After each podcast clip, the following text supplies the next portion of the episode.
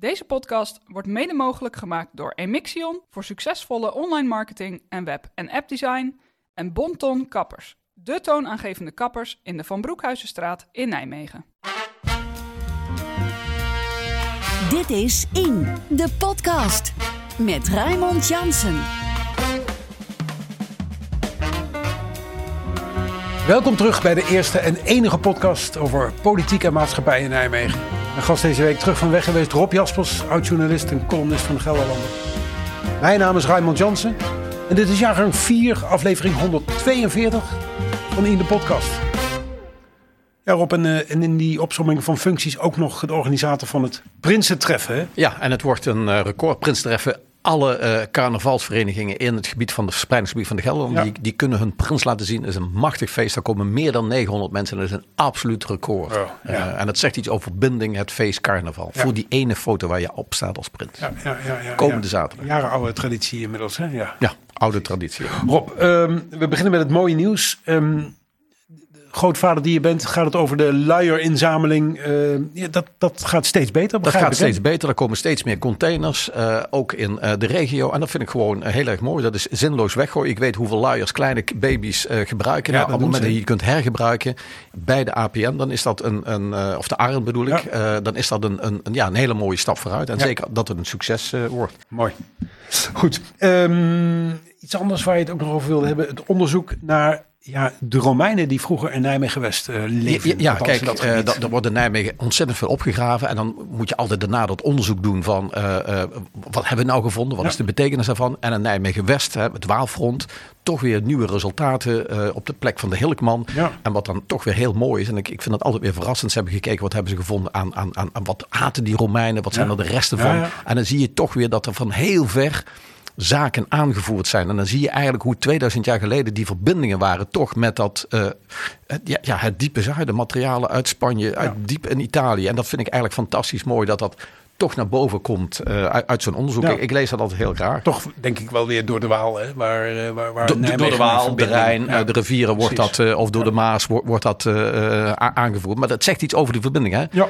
Als ik nu naar Spanje ga, dan moet je tien keer diep nadenken. Maar die Romeinen deden dat dus al met, met, met hun voedingsmiddelen en materialen die ze daar ja, oogsten en hier toebrachten. En met een hele lage footprint vermoedelijk. Ja, ja. Ehm, iets anders, de herdruk van het boek over de gebroeders van Limburg voor, door Weilen Clemens Verhoeven. Ja, ja, ja dat, dat is, eh, dat vind ik ook zo mooi. En Ja. die Clemens Verhoeven, hij, hij is vorig jaar overleden. eh, en, en, maar ik heb, ik heb nou, gewoon mooi dat zijn boek weer opnieuw in de aandacht komt. En ik heb bijvoorbeeld ook thuis staan het boek Nooit gebouwd. gebouwd. Ook zo'n boek van Clemens Verhoeven in Nijmegen. Plannen, fantastisch mooie eh, ideeën, maar nooit gerealiseerd. Eh, Heel mooi boek om terug te kijken. En net zoiets.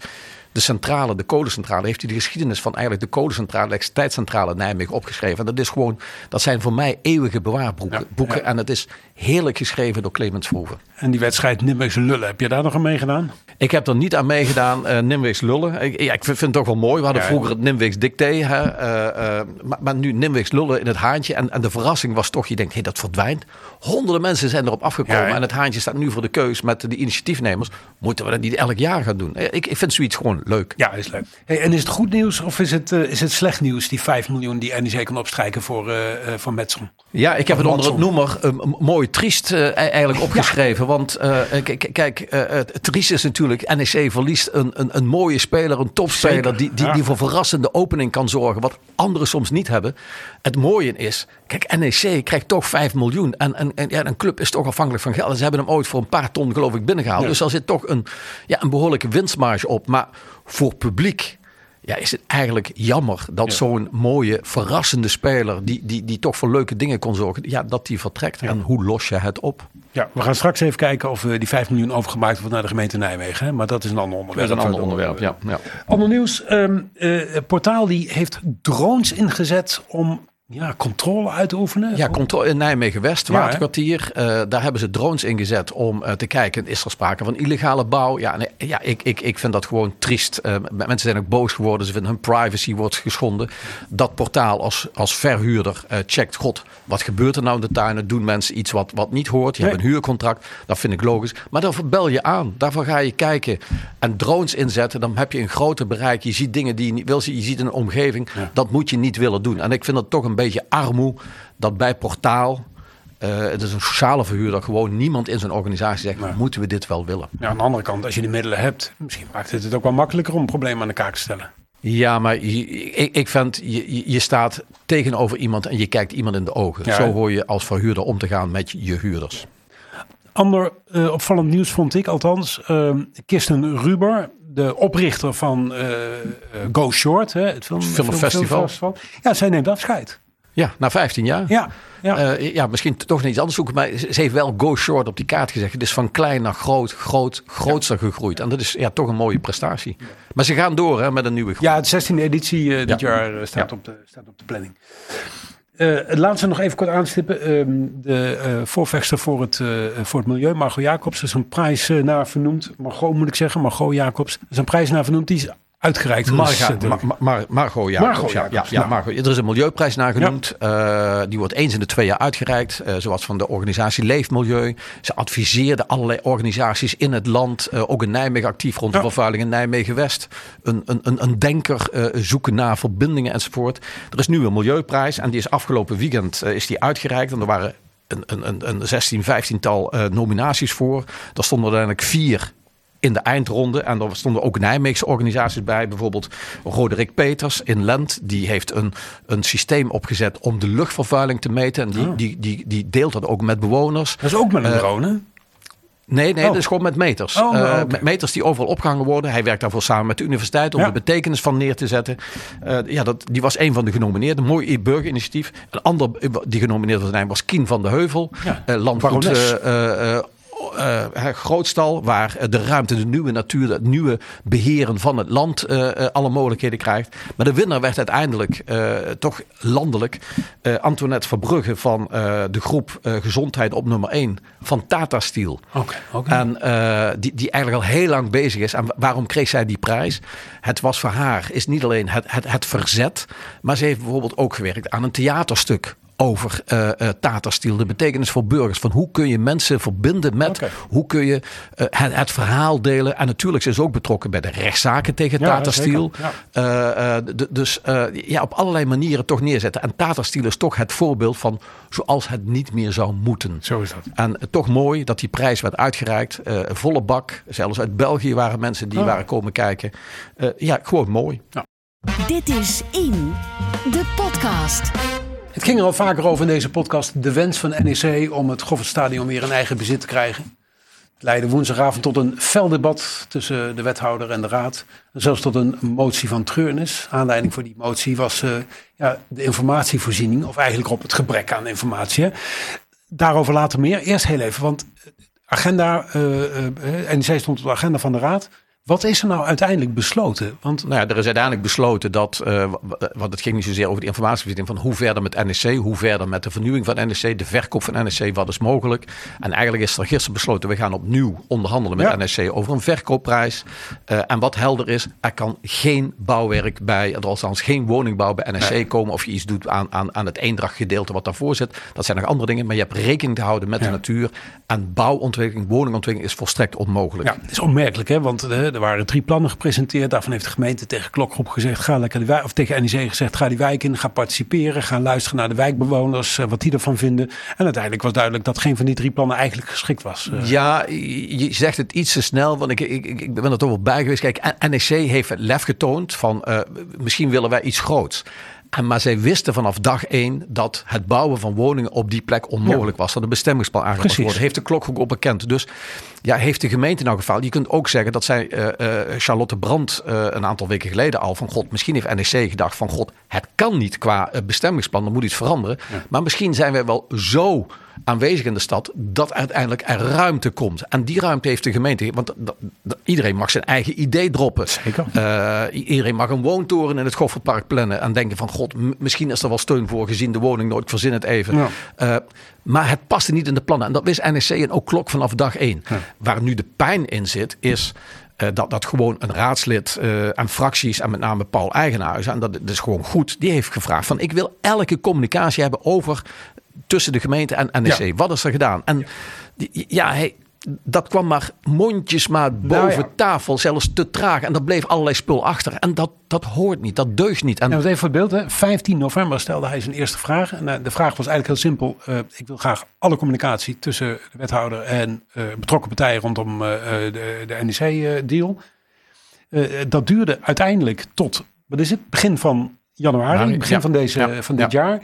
Eh, toen eh, via een WO-verzoek, hè, de opvolger van de wet openbaar bestuur, ehm, uiteindelijk een uurtje voor aanvang van de gemeenteraadsvergadering eh, 100, 100 pagina's kwamen met informatie. ja, ja, ja. Eh, daar kun je lang en breed over, eh, over discussiëren. Daar kun je heel veel argumenten voor en tegen op aangeven. Maar dat is natuurlijk een ontzettend lelijk proces. Dat is een lelijk proces, maar ik maak het los van NEC. Jazeker. Nee. Om even aan te geven, want dit is geen probleem dat alleen bij NEC speelde. Wat er overigens uitkwam bij NEC, dat viel qua nieuws wat mij betreft eh, mee. Maar, maar vooral is het in zijn algemeenheid, de informatievoorziening is in het stadhuis een puinhoop. En dat is overigens niet uniek voor Nijmegen. Er zijn eh, een paar weken geleden is er nog een reportage geweest eh, op Nieuwsuur, met de. Vereniging van Raadsleden. Dat het bijna, de informatie is bijna niet te doorgronden. Hoe vind je wat? Eh, hoe wordt wat bewaard? Op welke wijze? Dus geen uniek Nijmeegs probleem. Maar je moet er als raad ja, heb je recht op die informatie. En als gemeente moet jij het prioriteit nummer één geven. En, en eh, dat die informatie te vinden is. Ik, ik, ik zoek voortdurend in allerlei archieven. En ik ben wel eens verbaasd. En dan stel ik vragen. En dan, hoe makkelijk ik de antwoorden krijg. Maar probeer eens iets te zoeken. Zelfs op een site van Nijmegen. Ja. In, de, in de raadsbesluit. Het is een drama. Dat En is het. Eh, waarom verandert dat niet? Nou ja, dat is een goede vraag. Het antwoord eh, ehm, wordt volgens nog niet gegeven. Wat wel gegeven wordt zijn ruiterlijke, ruiterlijke excuses door wethouder Vergunst, ook wel door wethouder van Elveren, die aangeven dat hebben we echt niet goed gedaan. We hadden eerder met die informatie moeten komen. We hadden eerder open, openheid van zaken moeten geven, maar het was allemaal technisch en we gaven de verkeerde zoekwoorden in. En al met al, woensdagavond ook in die raadsvergadering, schuttert de wethouder als het gaat over zijn verweer. Het is gewoon een heel ja, mager verhaal waar hij Het komt. is niet accepteren dat de raad de basis van de stad. Juist. Dat de raad recht heeft op informatie. Kijk, zo'n wethouder zegt: de zoektermen die we gebruikten, die werkten niet. Nee. Ja, ja, dan moet je je tegen je hoofd slaan. En dan moet je zeggen: verdorie, waarom werkt het niet? Moeten wij niet Ja. ons systeem verbeteren? Moeten we niet gaan zorgen dat het wel werkt? Ja, ja, ja. Moeten we niet bij anderen die deskundig zijn, eens een keer gaan zoeken hoe moet dat werken? En ik- kijk, een van die dingen is: mensen stoppen iets weg in het archief. Ik zeg altijd: je moet functioneel etteraars in het stadhuis hebben. Mensen die vanuit een andere manier denken dan een ambtenaar denkt, zodat je Ja. het opbergt, zodat Nee. het altijd te vinden is. Goed, tuurlijk. Hè, er moet ook de, hè, de dynamiek onderling moet, moet verbeteren. Maar het is natuurlijk ook gewoon een technisch verhaal. En als deze gemeente eh, zijn zaken niet op orde heeft, dan kunnen wethouders zich verontschuldigen wat ze, wat ze willen. Maar daarmee is het probleem niet opgelost. probleem niet opgelost. En het fenomeen is, het speelt niet alleen bij NEC, het speelt bij veel meer items. Ja. Eh, dus je hoort gewoon eh, daar actie op te ondernemen. En kijk, de motie van Treurnis die werd ingediend Ja. door Paul Eigenhuis en die steun kreeg van de volledige oppositie. Dan zegt de coalitie, ja, wat hebben we nou aan die, in die motie? Nee, je had dat moeten omarmen. Want het ging niet zozeer om de kwestie NEC. Het gaat erom dat je als raadslid recht hebt op Ja. alle informatie en dat die voorziening daarvoor top moet zijn. Wat Meer je- dan top. Wat denk jij dat raadslid Noël Vergunst had gezegd als hij eh, in deze situatie was gekomen? Die had geëist, ik heb recht op informatie. Ja, En eh, als het systeem niet deugt, pas je het systeem aan. Eh, en daar zijn altijd excuses. Maar de volgende vraag van mij zou raad zou zijn: van over anderhalve maand wil ik weten welke actie hebben we ondernomen om die toegang te verbeteren. Hebben wij buitenstaanders binnengehaald om dat aan te passen?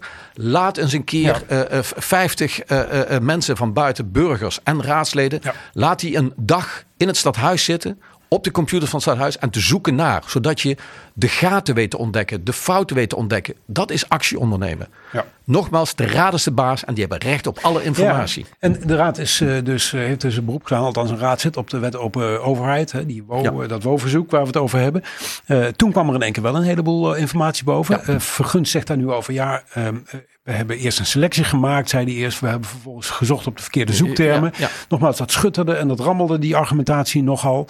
Ehm, Raadsleden hebben gewoon recht op informatie. Sterker nog, op meer informatie dan die via een WO-verzoek Ja, ja, ja, eh, boven En- water zou en- kunnen krijgen. Dus het is opmerkelijk dat dat nodig is. Ja, en, en je hoort als individueel raadslid te hebben. Kijk, ik vond het eh, verweer bijvoorbeeld van eh, Wendy Grutters. Die zei op een bepaald moment tegen Paul Eigenhuizen... Heb je dan iets gezien dat Ja. niet deugde? Ja, dat, daar ging het niet om. da- Daar ging het niet om. Nee. Elk individueel raadslid heeft recht op de informatie die hij vraagt. Ja. En ik vind het triest dat antwoord van Wendy Grutters dat zij dat zo zegt. Ja. Het, het gaat er niet om wat jij vindt. En Je kunt iets goedkeuren. Het gaat erom, we hebben 39 raadsleden en die moeten kunnen rekenen dat ze de informatie krijgen die aanwezig is in het stadhuis. En als dat niet is, moet jij als raadslid boos zijn. En er boos zijn. Eigenhuizen en hij diende een motie van treurnis in. Ja. Die eh, de stemverdeling 17-19 haalde. Gerry van Kamp van de Stadspartij zat op de tribune natuurlijk. Want die is bij NEC betrokken. Dus mocht niet eh, meestemmen erover. 17 tot 19. Dat is echt een duidelijk signaal. Dat is een duidelijk signaal. Eh, dat is eerder gebeurd eh, in de kwestie eh, Veldhuis, wethouder Ja. Veldhuis. Die had toen foute informatie gegeven. als Het ging om de woningen van Stuworld en de Ginnestedlaan. Dat waren hele dure woningen terwijl de raad eigenlijk de afspraak had, het moest goedkoop zijn. Mhm. Toen ontstond er ook een motie van treurnis. Overigens gebeurde er toen hetzelfde. De hele oppositie ondersteunde het en de coalitiepartijen niet. En ook daar, dan denk je van god, dan hebben we eigenlijk nog steeds niks geleerd. Jij moet, los van je Ja. opvatting, welke strijd je ook hebt met je andere partij, jij moet zeggen, elk individueel raadslid heeft recht op die Als informatie. ik me goed herinner, de discussie rondom de eh, bijdrage voor de een steun van, voor de ondernemers vanuit de provincie Gelderland. Toen eh, wethouder Brom daar een beetje over, over rommelde.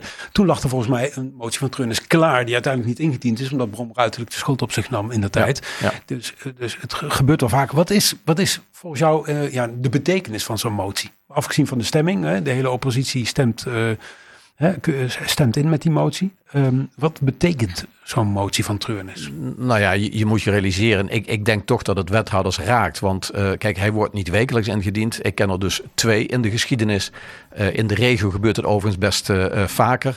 Maar het betekent toch dat je moet, moet nadenken. En ja, ik, ik kan me niet voorstellen dat je daar niet wakker van ligt. Het, het, het, overigens, die motie van treurnis, die moet je ook doorgeven eigenlijk in de organisatie. Want dat zijn degenen. Het zijn niet de wethouders die iets opbergen. Het zijn de ambtenaren die iets opbergen. En daar moet de discussie. Kijk, de, de gemeentesecretaris, die de stadhuisambtenaren aanstuurt, die moet die motie zich aantrekken. En die moet zorgen, een actieprogramma hebben, gaan maken, dat die informatie beter beschikbaar Dus komt. een motie van treurnis is een flinke tik om de oren. Het is een tik om te oren en het moet een inspiratie zijn om het te verbeteren. Dus je, je, je kunt het zien van god, we stoppen iemand in de kelder. Hè? Nee, dit is een motie om te inspireren tot veel beter gedrag.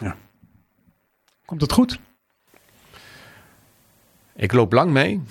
Eh, en ik heb de, de, de, de verhalen over van hoe je de, de, de site en informatie beter moet eh, eh, verdelen. Dat, dat, dat, die ken ik al heel erg lang. Ik heb hier wel eens het voorbeeld genoemd. Dat, dat vond ik het, hoogtepunt in mijn carrière.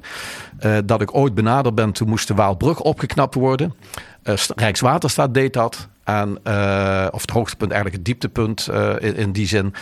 Toen belde de gemeente mij op of ik de informatie had over welke afspraken de gemeente jaren daarvoor ooit met Rijkswaterstaat gemaakt had. Want die waren nergens meer te vinden in het stadhuis. Wanneer was dat?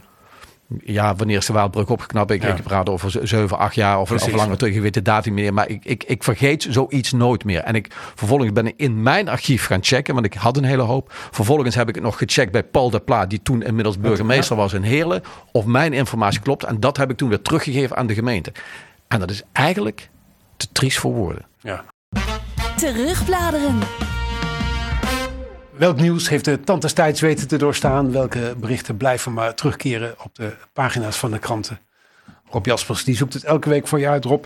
Ja, het kan in de maand februari niet anders gaan dan over, eh, over de herdenking van het eh, bombardement. Het bombardement op Nijmegen, 22 februari 1944. Eh, in twee minuten is de stad weggevaagd. Waarom twee minuten?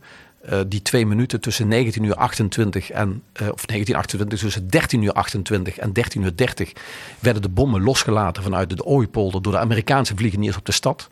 En in twee minuten vielen die. Ja.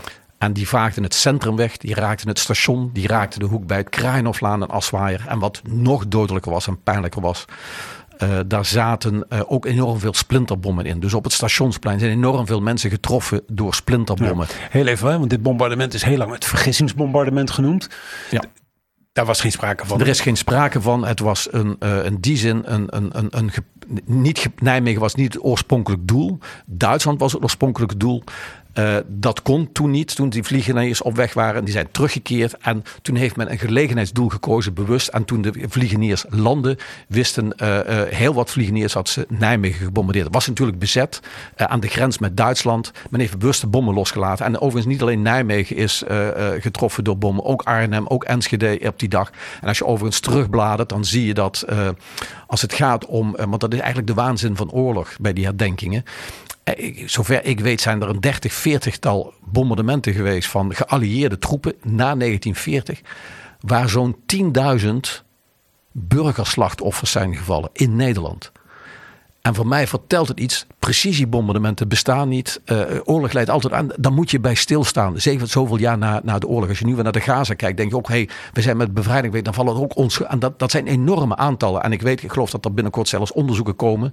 waar nog grotere cijfers. Want zelfs 80 jaar de oorlog weten we nog steeds niet alles van uh, die, die bombardementen op steden en plekken in Nederland. En wij hier in Nijmegen staan stil bij die herdenking met een expositie. Uh, die loopt de hele maand februari. Uh, en bij die expositie kun je zien, we staan niet alleen stil bij het moment van 22 februari 44, maar we zijn vooral op zoek gegaan naar van wat betekent het zelfs nu. Want de ramp is tientallen jaren weggedrukt, werd niet over gesproken. Pas in de jaren 90 kwamen de eerste verhalen. Uh, daarna kwamen de boeken van Bart Jansen, zelfs in, pas in, in, in, de jaren 2000. Dus Schommel, stilstaand monument, is in 2000 geopend. Eh, eh, toen stonden we stil bij die, bij die bombardementslachtoffers. 2000, hè? Ja. 1944. Dus die verhalen moet je. En wat je merkt is, ik, ik heb meegewerkt in de expositie, ik heb gesproken met nakomelingen, met, met, dan zie je toch dat zelfs 80 jaar de oorlog, ja. die pijn nog steeds voelbaar is. Dat mensen nog steeds zien. En als je door de stad loopt, je moet het verhaal van. Ik, ik heb lessen gegeven op scholen. Dan leg ik kinderen bijvoorbeeld uit van God, bombardementen kijken ze je aan dan zie je, de stad was weggevaagd. Ja, ja, je ziet wel wederopbouw, maar mensen hebben daar geen beeld bij. Ja. Ik leg bijvoorbeeld mensen, kinderen leg ik uit, zelfs studenten. Uh, kijk eens op plein 4, dat gaat er gewoon staan. Weet je dat hier vroeger drie smalle straten liepen? Huh? Zeggen ze dan. Ja, ja, ja. Uh, die zijn weggevaagd. De Zeigelbaan, de, de Oude Varkensmarkt, uh, de Houtstraat liep, liep verder door.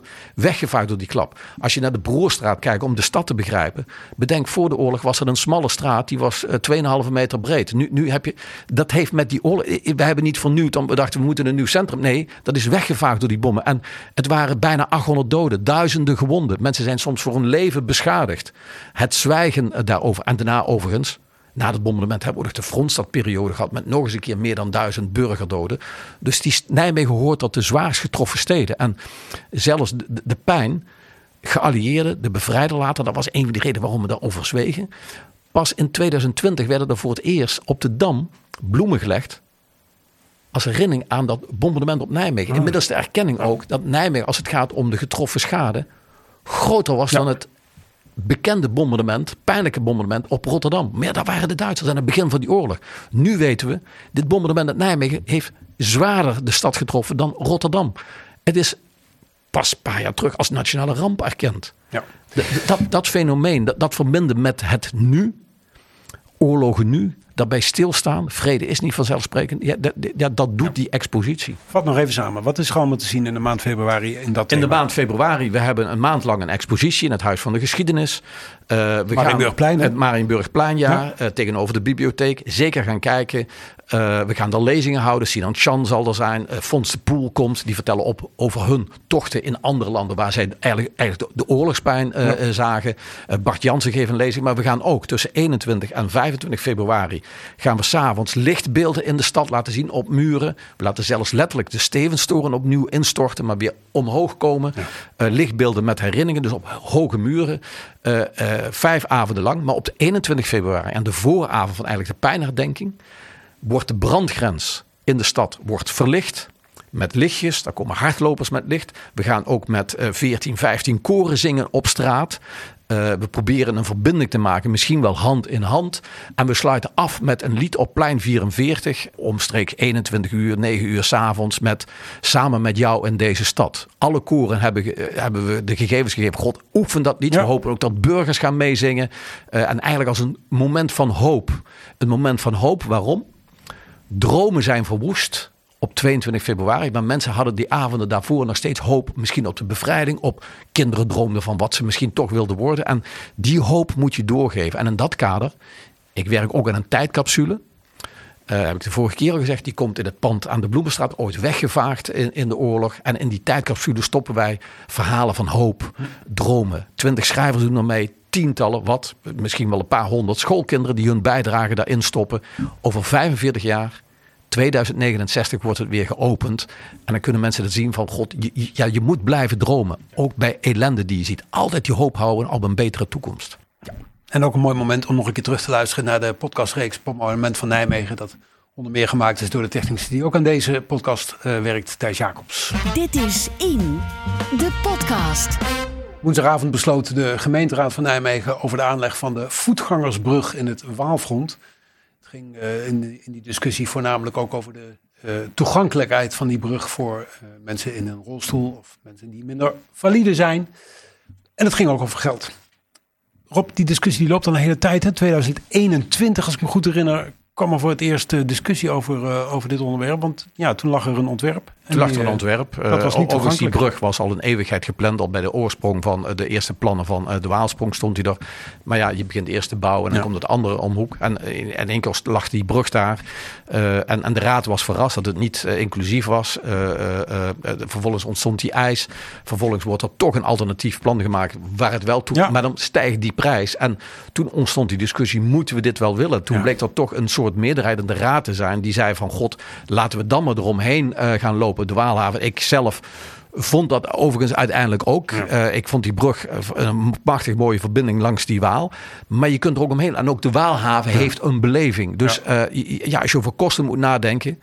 Ja, het moet inclusief, maar dan misschien geen brug met een andere route ja. eromheen. En toen ging het in één keer niet meer over die brug, maar toen ging het eigenlijk over de discussie: hoe inclusief zijn wij als stad? Ja, toen is er uiteindelijk leidde tot eigenlijk iets heel moois. In die zin heeft die, die, die, pijnlijk van, die, die pijnlijk ontwerp van die brug er wel toegeleid dat de raad een motie heeft aangenomen. Vertaan, staan we bij elk plan, staan we stil bij inclusiviteit. Hoe kunnen gehandicapt, hoe kunnen mensen die slechter been zijn, toch overal komen. En dat is eigenlijk een plus die die opgeleverd heeft. Maar de discussie over de brug zelf, ja, die werd lastiger en lastiger en ja. pijnlijker en pijnlijker. Uh, uh, dus er zat iets moois aan van God voor het totale Nijmegen. Ja. Maar die brug zelf had moeilijk. En ik zelf dacht dat er geen meerderheid zou zijn. Omdat uh, de coalitiepartijen, de Stadspartij en GroenLinks hebben steeds gezegd... wij gaan die brug hoe dan ook aanleggen. Maar je zag D66, die zagen het niet zitten. Die ja. zeiden van god, een gewone brug uh, bouwen. Soms kan iets niet. Ja. Overigens werden die ook voor inclusiviteit in de stad. Maar die zeiden gewoon niet. Ja, maar en toen dacht ik, dit, dit, dit, dit gaat het niet, nee, niet halen. Nee, maar Rijk Zinhaven, uh, nu,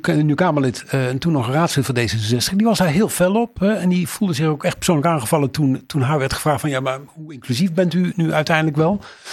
Ja, en wat schetste de, de, de verbazing gisteren? Ja, dat in één keer D66 een ander standpunt innam. Ja, die zei van, ja, als er dan geen brug komt, want de meerderheid zei van de raad, zei eigenlijk van, god, laten we dan maar het wandelpad ja. uh, uh, doen, want we vinden het gewoon te duur. Ja. Toen schoof in één keer D66 op van, nou, ja, dan gaan we toch voor die uh, inclusieve brug stemmen. Dat wil zeggen, er waren ook overigens de oppositiepartijen voor, alleen ze vonden het ja. te duur. Ja. D66 liet dat vallen, zei, dan gaan we toch die brug bouwen en dan gaan wij toch mee met uh, uh, de Stadspartij en GroenLinks. En dat was eigenlijk verrassend, gezien alles wat ze in de weken daarvoor gezegd Precies. hebben. Misschien moeten we even twee standpunten benoemen. Uh, uh, Partij van de Arbeid, Charlotte Brandt, die zei ja, er komen hele moeilijke tijden aan. Deze brug gaat 1,1 miljoen euro extra, extra kosten. kosten. Ja. Dat kunnen we gewoon ons niet veroorloven. Ja. Daar was nou, daar waren niet zo heel veel mensen gevoelig voor, voor het argument. Nee, nee, de oppositie was er in eerste instantie gevoelig voor. En ik vind dat je wel moet nadenken ja. in deze tijd. Wat, wat wil je? De andere kant, een wethouder vergunst zei, ja, we hebben al heel veel geld uitgegeven. En als we dit nou niet gaan aanleggen, dan zijn ja. we dat geld weer, uh, ja. zijn we eigenlijk ook kwijt. Dus er, er, waren een heleboel stemverklaringen. Hè. Dat is een, een, instrument dat je hebt als je je stem toch op een of andere manier nog wat meer uh, wilt uitleggen uh, nadat er een besluit genomen is. En dat ging vooral over, over de, de, de moeilijke kronkel die er was tussen, ja, moeten we dan instemmen met een brug die heel veel duurder is, maar zijn we daarmee wel inclusief? Of moeten we dan toch die niet-inclusieve brug uh, uh, goedkeuren. En dat, ja, ik had het idee, Marjolein Meilik bijvoorbeeld, hè, die, die van het CDA, ja, die zaten daar toch wel mee in de buik, had ik het idee. Die zaten ermee, maar die gaven wel aan van god, wij kunnen ook die route rond die Waalhaven kunnen ah, ja. gewoon uitstekend benutten. Dat is 450 meter en het is geen saaie route. Je krijgt ook de beleving van die stad. Je kijkt hoog, als je bij uh, de Waalstraat loopt, kijk je toch hoog naar die Waalhaven. Je, je ziet ja. dat gebied. Je kunt die draai maken, dus 450 meter lopen en daar kozen zij voor. Alleen uiteindelijk zag je toen de stemming kwam, de motie geen brug aanleggen, maar de wandelroute gebruiken, die haalde geen meerderheid. Nee. Toen besloten alsnog de partijen die aanvankelijk tegen die eh, hoge uitgaven waren, zoals de Partij voor de Dieren, zoals het CDA, zoals de VVD, die zeiden van god, dan stemmen we uiteindelijk in het slotbesluit toch voor die aanleg van Ja. die eh, duurdere inclusieve brug. En uiteindelijk kreeg die zelfs een, een, een meerderheid. Dat was het 28-9. Ja, ja, dat. Dat, dat was een, toch een verrassende uitkomst. Dankzij D66. Want Dankzij die, die de omzwaai van mee. D66, Ja. Maarten Bakker die maakte daar een scherpe opmerking over. Fractievoorzitter van de VVD. Die zei, eh, u, u bent onder druk gezet door uw coalitiepartijen. Ja, ik, ik denk dat dat, eh, gewoon, Ja, hè? dat, dat ga- ging D66 niet eh, ja op zeggen. Maar ja, zo werkt het als je lang rondloopt. Kijk, je, je, je sluit met drie partijen een coalitie. De ene keer wint de ene partij wat meer, de andere keer wat de andere. Ja. En onder druk zetten, ja, dat, dat hoort daarbij. Ja. Dat, dat, ja, dat is het. Wij, wij zijn geen dictatuur. Wij zijn een partij die, die je kunt iets van je eigen inleveren. En vervolgens krijg je van die ander iets terug. Nee, en vervolgens eis jij wat enzovoort. Nee, alleen maar eh, laten we wel wezen, dit is een hele opmerkelijke draai. En als je het dan hebt over het beeld dat je dan als politiek afgeeft, in een tijd dat er toch het vertrouwen in de politiek afneemt, dan is dit Een is hele lastige draai, met name omdat het echt het allerlaatste moment is. Ik, we hebben die discussie constant gevolgd. eh, eh, en dan is eigenlijk, ik, ik was ervan uitgegaan, heel bijzonder. Ik dacht van, er Ja. komt geen Nee, dat dacht ik eerlijk gezegd ook. brug over de Waalhaven. En dan alles wat ik ervoor gehoord heb, is toch, ja, die draai van deze zeer opmerkelijk. Het werd ook nog een prestigeobject genoemd door het CDA. Kees de Beer van de Stadspartij die eh, wilde Marjolein nog even op haar talenkennis toetsen. Die vroeg wat, eh, wat is dan de definitie van, eh, van, van prestige. Maar eh, ondanks die- opmerking, ja, het heeft er wel een beetje de schijn van. hè. Het heeft er wel de schijn van. Van de andere kant, ja, misschien wordt het wel een hele mooie, bijzondere brug om even aan te geven. Er is ook aan de andere kant van de, van, van de Waalkade, de, de Ooipoortbruggetje. Er is ooit heel veel discussie Ja, geweest. zeker. Moeten we daar wel zoiets willen? Ja. Eh, vervolgens is die aangelegd. Hij wiebelt ook nog. Ook die is overigens niet inc- inclusief. Eh, dat, dat kan ook bijna niet, want je gaat het zand eh, in. Maar die brug heeft voor de Nijmegenaren een andere wereld geopend. Hè? Oh ja. De- de, de- dus de, de- kosten van die brug, die vond ik toen volstrekt acceptabel. Als je nu, nu zit. En misschien wordt het ook die, die- ja, bij de Waalhaven zo. Maar, zelf had ik inderdaad gekozen van kies voor de route langs eh, de Waalhaven. Die is net zo verrassend en net zo mooi. Heel even kort nog. De VVD, eh, die altijd een land spreekt voor de automobilist. ehm, die heeft kritische opmerkingen gehad over het parkeerbeleid rondom het centrum. Ja. Ehm, ja, leg uit. Wat, eh, wat, Nou, nou ja, kijk, eh, de gemeente heeft aangekondigd dat, eh, dat de, de eiermarktgarage op slot gaat voor mensen die van buiten komen. Ja. Passage Molenpoort. we gaan fietsstellingen maken in het Kelfkesbos. Parkeren wordt dus minder. Dat is nu geloof ik een afname van 1000. Maar daar komt straks bij de Hezelpoort komt weer een garage bij. Dus uiteindelijk gaat het om een, een 500 parkeerplekken minder. Nou, er is veel ophef over. Wat betekent dat nu de VVD? Die spreken weer van de autohaters. Je jaagt de mensen weg. Ja. Deze week bleek dat ook het centrum vergroend wordt. En dat zelfs de fietser wat Ja. eh, minder ruimte krijgt. Ja, moet je daar nou van schrikken? Eh, kijk, dat de fietser minder ruimte krijgt. We hebben ook ooit de, de, de, de Molenstraat eh, afgesloten voor het... eh, of nee, niet de Molenstraat, de Broerstraat afgesloten voor het fietsverkeer. De Stikhezelstraat mag je niet omheen. Dat blijft een route door de Burgstraat, Augustijnenstraat. Maar de auto's, ja, dan moet je wel de vraag stellen, zeg ik altijd. De stadsbewoner die dichtbij woont, die komt met de fiets of die gaat lopend. En die geven best veel geld uit, bleek ook laatst Ja. weer uit, uit onderzoek.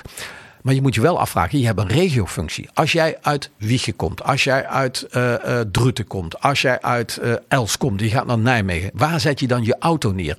En je moet je afvragen, waarom komen ze met de auto? En dan blijkt ook weer het onderzoek dat opvallend veel automobilisten die met de auto komen, die hebben vaak kinderen bij zich. Of die gaan iets groots kopen. Dat moet ingeladen worden. En ja, ik vind dat je er wel bij stil moet staan. En ja, ik zou vooral buiten, buiten het afsluiten, zou ik zeggen van jongens, ga nou eens een aantal weken honderden automobilisten echt letterlijk vragen: waarom stap jij nou in de auto? Waarom leg je iets af? Ik, ik, ik, ik haal mijzelf aan. Ik ben geen automobilist, eh, maar ik heb wel een auto. En bijvoorbeeld, eh, eh, ik, ik, heb hem, ik kan hem absoluut niet missen. Kan ook niks met een deelauto. Ik verzorg bijvoorbeeld mijn kleinkinderen. Soms moet ik er drie in de auto. In mijn auto staan de spullen waarin ik die netjes neer kan zetten. En dan heb ik gewoon die auto nodig. Maar ik doe 80% doe ik alles met de fiets. Maar sommige dingen kunnen niet. En als jij Dus uit Wiegen eigenlijk- komt, Ja, op een bus wachten, dan moet je soms twee uur uittrekken. Hè? Eh, Ja, eh, eh, zeker. Ja. Dus besef dat. Ja, dus eigenlijk zeg jij eh, dat we duurzaamheid hoog in het vaandel hebben staan is een, is een goed ding. Maar het moet ook wel realistisch blijven. Realistisch blijven. En dan zou ik niet de woorden zoals de VVD gebruikt zijn van god, we hebben weer het, de Ja, autohaters die aan de slag gaan eh, enzovoort. Kijk, bijvoorbeeld de Eiermarkgarage, die ligt echt diep in het centrum. Die wordt nu vrijgemaakt voor de stadsbewoners. Daar zitten er overal veel stadsbewoners van die daar parkeren. Maar dat wordt helemaal voor de stadsbewoners parkeren. Dan kun je je, je je stad, waar ook hittestress speelt, kun je verder vergroenen. Dus dat is gewoon een hele mooie stap. Wat ik nooit begrepen heb, dat men aan het Kelfkesbos autoplekken weghaalt. Ja. En dat fietsenstelling zegt, ik vind fietsers willen diep het centrum inkomen. Die parkeergarages Kelfkesbos liggen aan de rand van de stad. Ja, dat is... Daar komen juist die mensen, die gaan niet ver. Dan, die draaien de Waalbrug af en dan kun je hem daar neerzetten. Daar, daar heb ik nooit iets Nee. van begrepen. Nee, nee. Ik heb trouwens, we zouden bijna afsluiten. Toch hebben we nog één dingetje. Ja, vertel. Ja, we hebben eh, de discussie gehad over het referendum. Ja, oh, ja. Ja, dat, eh, er waren handtekeningen, referendum over wat moet er op het Engie-terrein gebeuren. Ja. Handtekening opgehaald van wil ik dat wel doen. Uiteindelijk heeft de meerderheid van de raad dat referendum afgewezen. ja. Eh, Met een ongemeen felle Hans van Hoofd. ongemeen felle Hans van Hoofd. Die zei van god, iedereen die hier nog over duurzaamheid spreekt. Een Ja, gascentrale, ja. dat kan niet. En de referendum, je moet de burger laten spreken. Ik vond hem veel te fel, want Ja. om even aan te geven. Ook ik denk van een gascentrale, dat is buiten de tijd. Maar we, zijn, we kunnen geen revolutie maken. En hier gaat het om, stel je eisen. En die heeft de raad ook gesteld. Ja, ja. Zo kort mogelijk gas en zo snel mogelijk waterstof. Waterstof, want, ja. en als je, want het ging over het bestemmingsplan en het referendum zou ook over het bestemmingsplan gaan. Het bestemmingsplan, het nieuwe voor dat gebied, is een revolutie vooruit als het gaat om duurzaamheid. Ja. Voor de scheepbouw, voor batterijen, voor transport naar de binnenstad. En dat zou je met een referendum waar een nee komt. Dus, ja, zou je dat tegenhouden? Dat, dat, Het was, eh, het was al met al wel een eh, bewogen avond, geloof ik, als het ik het was zo een pittige, bewogen avond eh, met ook veel theater door politici. Ja, het was eh, politiek ten top. Ja. Is wel weer leuk. Voor ons soort mensen. Wel veel leuk, maar stel dat je weer als eenvoudige burger naar de raad gekeken zou hebben, zou je het allemaal begrepen hebben. We ronden hem af. Maar niet nadat ik heb gezegd dat morgen om vier uur de column van Vincent Kantrein te lezen is op onze website. Ik weet al hoe die heet. Hij gaat heten Schaamgas. Heb jij een idee waar dat over zal gaan? Ja, dat gaat over Engie-terrein, hè, denk ik. Tot zover. Aflevering 142 van In Podcast. Redactie en productie. Zoals altijd in handen van Rob Jaspers en mijzelf. Ik ben Raymond Jansen. Opmerkingen of heb je vragen aan ons? Mail dat naar redactie.inepodcast.nl Techniek was in handen van David van Aarden en audio-nabewerking op naam van Thijs Jacobs. Volgende week praat ik met Christy Lamers, directeur van RVN Ed, die eh, wat meer komt vertellen over haar nieuwe naam, de nieuwe naam van haar eh, organisatie Lifeport Ed. Dat volgende week.